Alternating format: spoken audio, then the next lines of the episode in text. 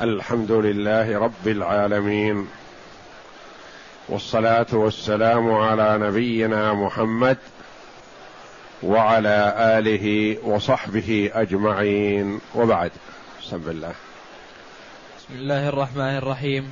الحمد لله رب العالمين والصلاة والسلام على أشرف الأنبياء والمرسلين نبينا محمد وعلى آله وصحبه أجمعين. قال المؤلف رحمه الله تعالى باب المناضلة. باب المناضلة. تقدم باب المسابقة.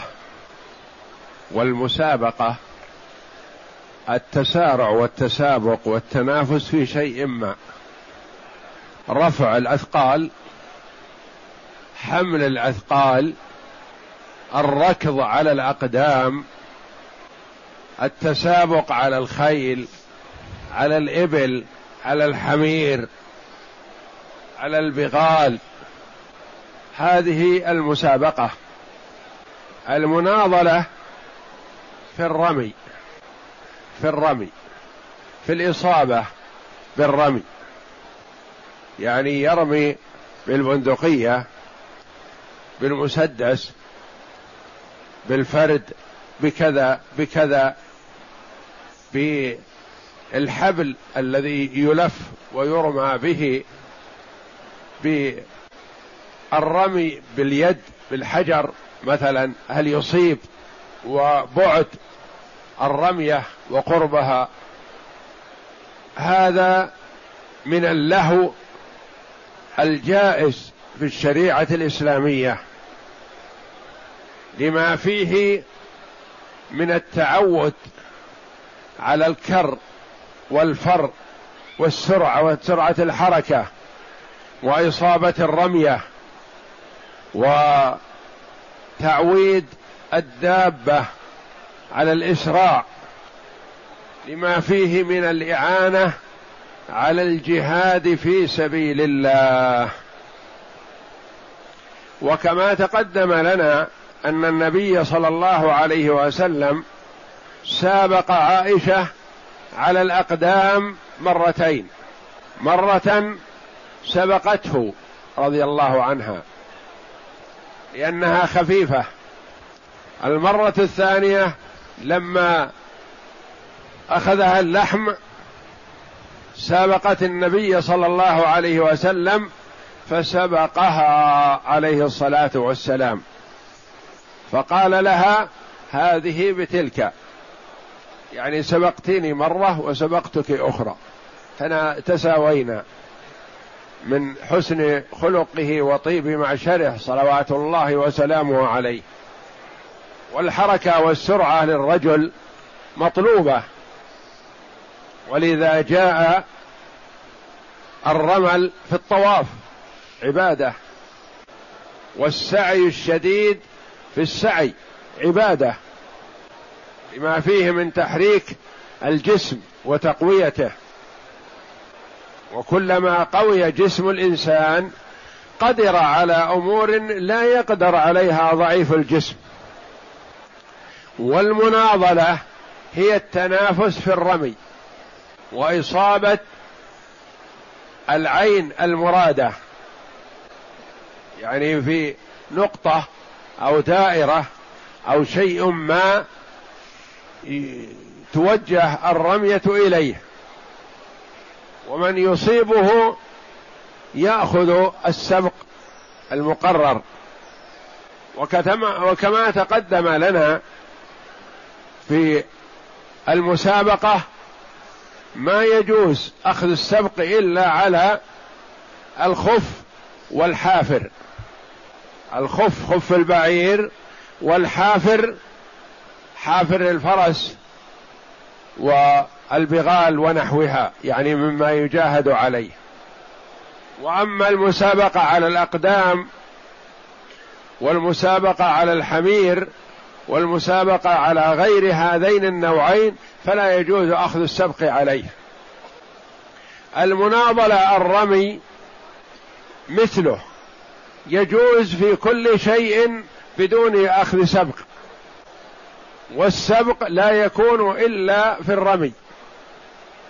لأنه هو المطلوب لتعويد المسلم إصابة الرمي في جهاد الأعداء. فلا يجوز أن يجعل مثلا آه، مكافأة أو جائزة لمن يرمي بيده حجرا ونحوه مثلا.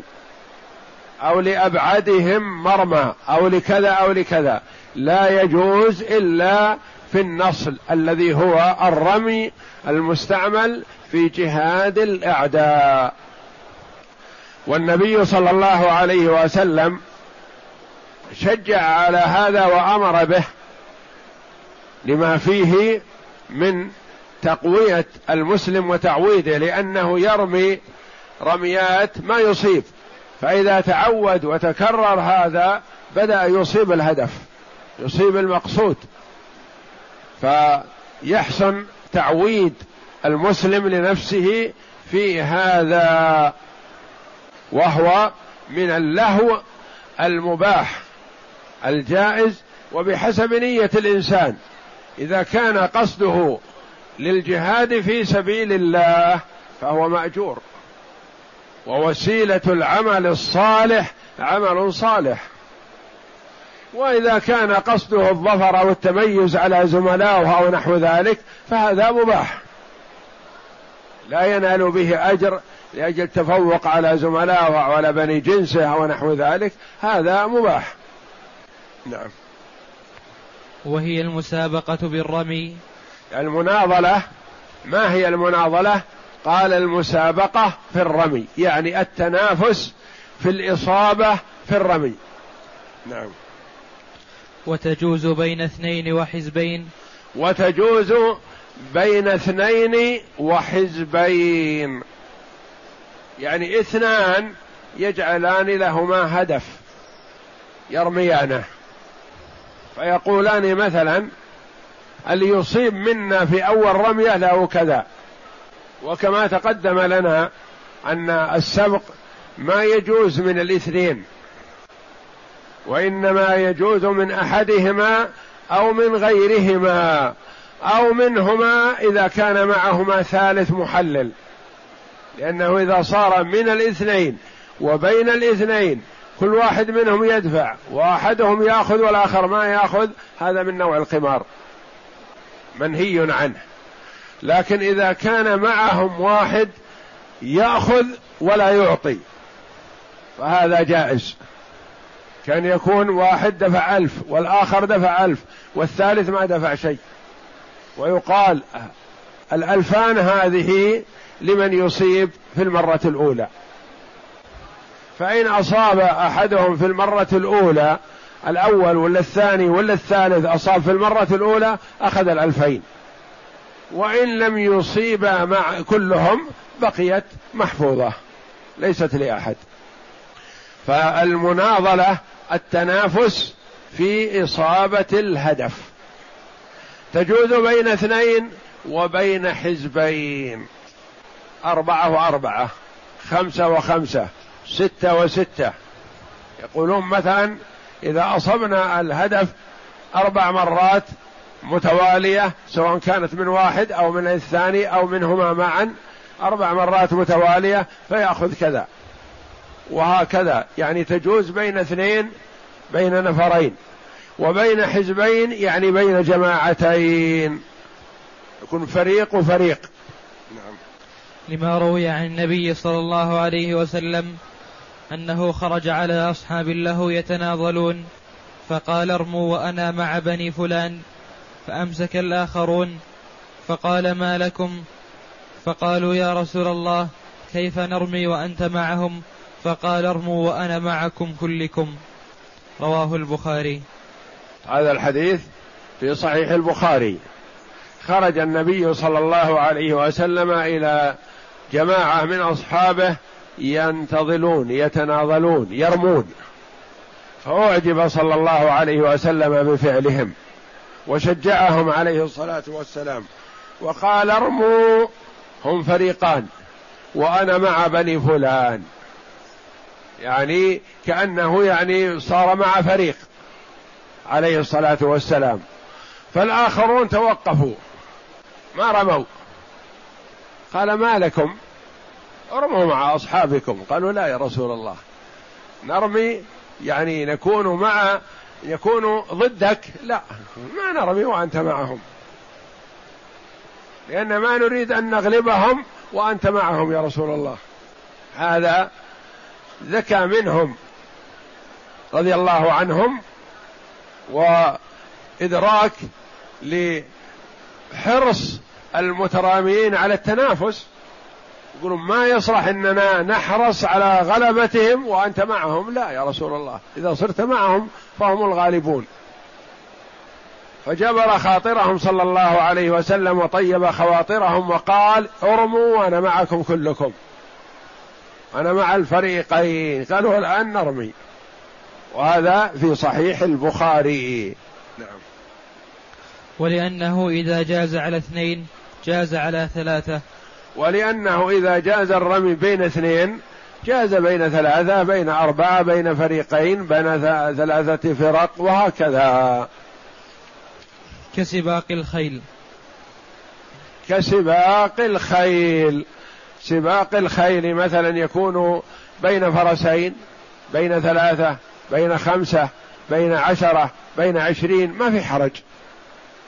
فيجوز تجوز المناضلة بين اثنين وبين فريقين وبين مجموعات. فصل.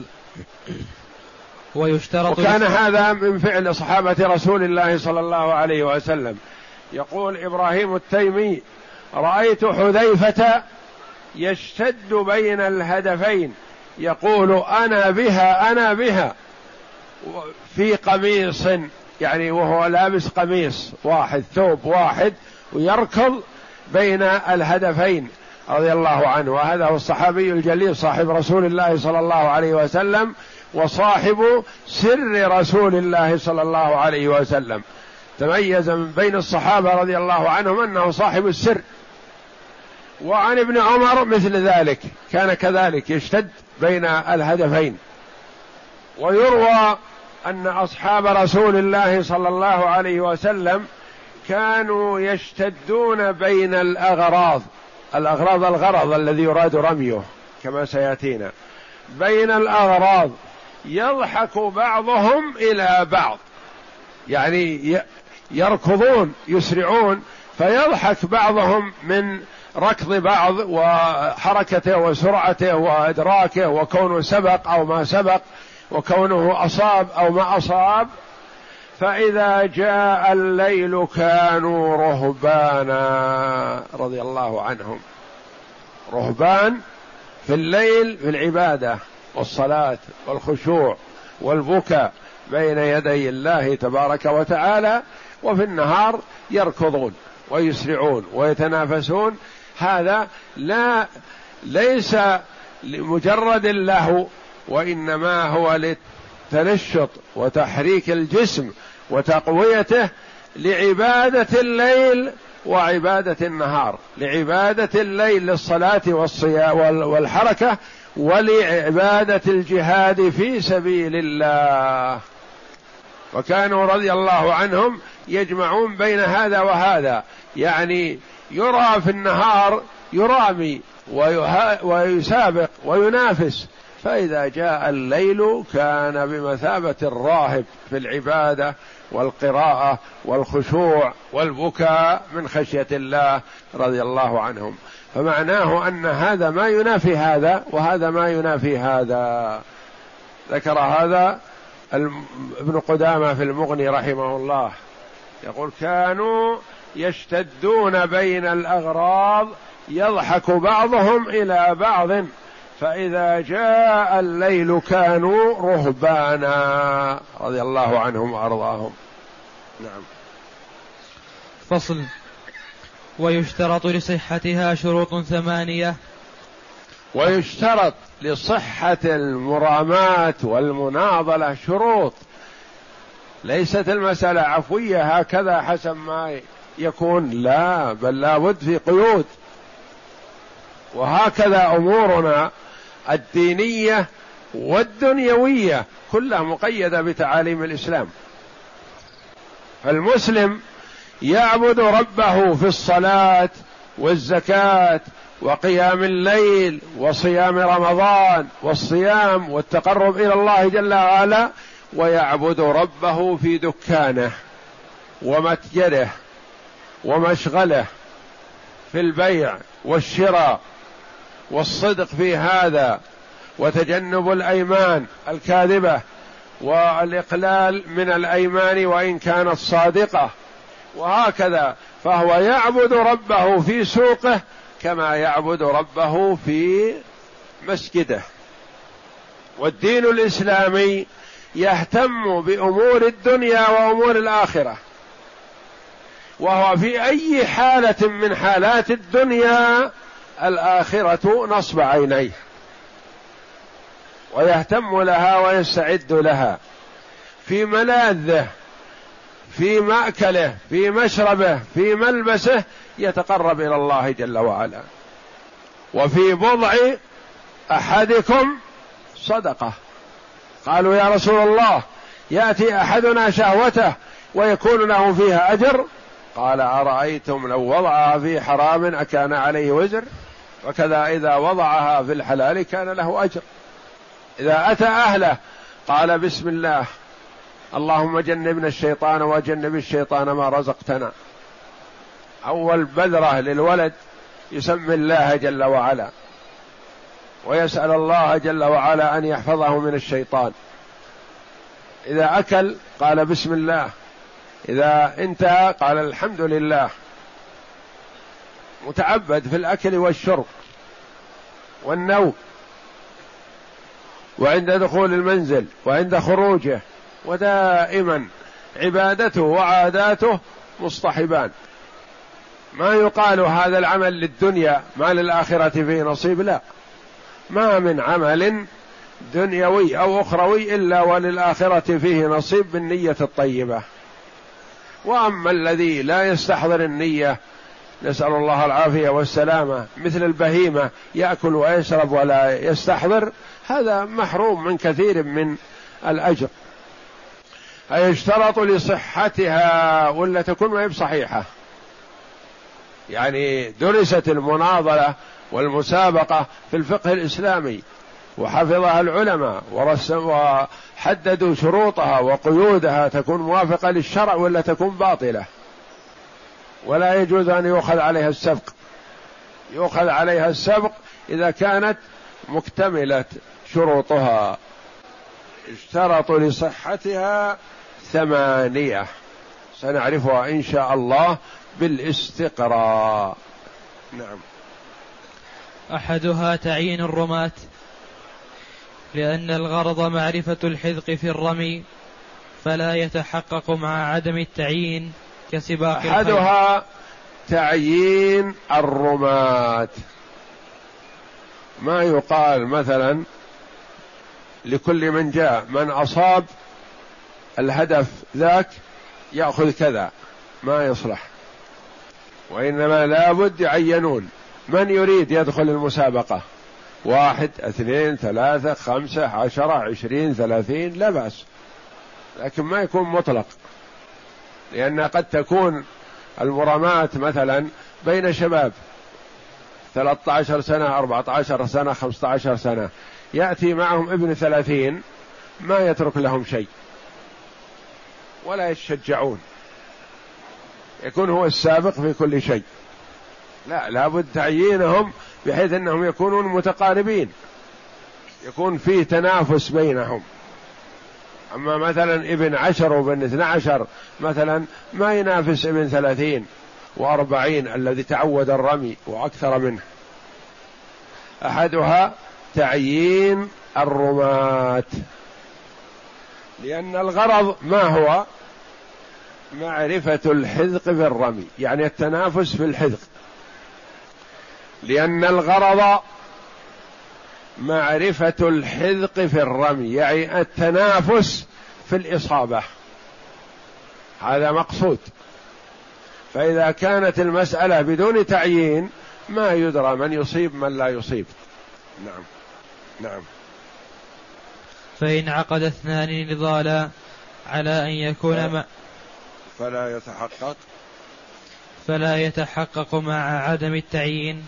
كسباق الخيل. كسباق الخيل مثل ما تقدم أنه لابد أن تعين الخيل التي تدخل الميدان. نعم. فإن عقد اثنان نضالا على أن يكون مع كل واحد منهما ثلاثة لم يصح لذلك. فإن عقد اثنان. اثنان اتفقا على أن يتنافسا في الرمي. واتفقا على أن كل واحد يكون معه ثلاثة. يقول ما يصح. اتفقا على أن كل واحد يكون معه واحد اثنين ثلاثة معينين. صح. الأول لما لا يصح؟ لأن ما في تعيين. اثنان كل واحد يقول أنا أختار ثلاثة. لي حق اختيار ثلاثة يصيرون معي. يأتي بأناس يصيبوا دائما وأبدا. فما يصلح التنافس بينهم وبين أولئك الذين لا يعرفون. إذا عين الثلاثة وتراضوا على هذا فلا بأس. إذا قال معي زيد وعمر وبكر يعرفونهم والآخرون قالوا كذلك. قال معي فلان وفلان. هذا صحيح. لأنه عين الرامي. أما إذا لم يعين الرامي فلا يصح. إذا كان بدون سبق فعلى أي ما اتفقوا يصح كما تقدم. لكن إذا كان على سبق على مكافأة فلا تجوز إلا بهذه الشروط. وإن عقد جماعة نضالا ليتفاصلوا حزبين احتمل ألا يصح لأن التعيين لا يتحقق قبل التفاصل. وقال القاضي يصح ويجعل لكل حزب رئيس فيختار أحدهما واحدا ثم يختار الآخر آخر كذلك حتى يتفاصلوا. وإن عقد جماعة نضالا ليتفاصلوا حزبين. اتفقوا وجدوا في الميدان مثلا عشرة قالوا نعمل نضال بيننا والسابق منا والفايز له كذا من بيت المال أو من شخص متبرع أو نحو ذلك. على أن نقتسم فريقين نكون. يقول احتمال يصح واحتمال لا يصح. احتمال يصح لأنهم معينين عشرة خمسة أو خمسة. واحتمال لا يصح لأن الخمسة مع مع الفريق هذا ما عينوا من الخمسة مع الفريق الثاني. احتمل أن لا يصح لأن التعيين لا يتحقق إلا بعد التفاصل بعد ما ينقسمون. وقال القاضي يصح. ويجعل لكل حزب رئيس. يقول يصح ما داموا معروفين عشرة. نقول أخرجوا رؤساكم. يقولون فلان وفلان. نقول البقية الأربعة. أنت يا فلان اختر واحد. فيختار واحد من من الثمانية. أنت يا فلان اختر واحد من الثمانية. اختار واحد. ثم نرجع للأول. ويختار يرجع للثاني ويختار وهكذا يقول هذا يصح لأن المنافسة صارت بين الخمسة خمسة وخمسة ولا في جهالة بينهم ولم يجعل الخيار لواحد ينتقي من العشرة فريقه ثم يبقى الفريق الضعيف مع الآخر لا وإنما كل واحد ينتقي واحد ثم ينتقي الآخر. ويكون الأول يبدأ واحد ثم بالاختيار الثاني يبدأ الثاني. يكون التاسع مثلا للأول الثامن للثاني السابع للثاني حتى يكون في تعادل في الاختيار. نعم. فإن اختلفا في المبتدئ منهما بالخيار وقرع بينهما. كأن يكون واحد المتميز من هؤلاء. كل واحد منهم يريده. واحد يقول أنا أبدأ بالخيار والثاني يقول لا يا أخي لا بديت بالخيار أخذت فلان وأنا أبي فلان يكون معي. والآخر كذلك. تنازعوا أيهم يبدأ ولا ما في مشكل إن هذا يبدأ المرة الأولى وذاك يبدأ المرة الثانية. لكن المرة الأولى تنازعوا عندها. من اللي يبدأ؟ نقول إن اتفقوا فلا بأس وإن لم يتفقوا اقرعنا بينهم. تقدم أحدهم بالقرعة. ولا يجوز أن يقتسموا بالقرعة لأنها ربما وقعت على الحذاق في أحد الحزبين. ولا يجوز أن يقتسموا الفريق مو بالمكافأة. الفريق يقول مثلا نقتسم كل واحد نكتب ورق مثلا. الرئيس محمد وزيد مثلا الرؤساء. نكتب ورق ونوزعها عليهم. هذا تبع محمد هذا تبع زيد هذا تبع محمد هذا تبع زيد ثم نلفها ونوزعها هكذا. نقول لا هذا في جهالة. لأنه قد يجتمع الأقوياء مع واحد والضعفاء مع واحد. ما يصير. وإنما لابد من أن يكون خيار واضح. الفريق الأول يختار ثم يختار الفريق الثاني وهكذا. نعم. ولا يجوز أن يجعل زعيم الحزبين واحدا لأنه يميل ولا يكون المختار للحزبين واحد لأنه قد يميل مع فريق دون فريق. يكون فريق فيه إخوته في أبناء أعمامه في أقاربه يحب أن يميزهم. فما يكون الاختيار لواحد وإنما يكون الاختيار لاثنين. لأنه يميل إلى أحدهما فتلحقه التهمة. فيبطل معنى النضال لأن القصد من النضال التنافس. والتنافس بين اثنين متقاربين.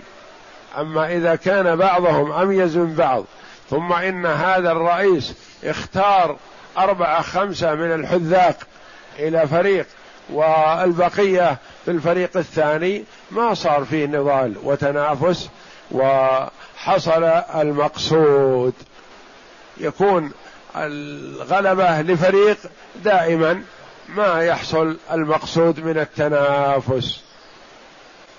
ولا يجوز فهذا فهذا الشرط الأول وهو تعيين الرماة.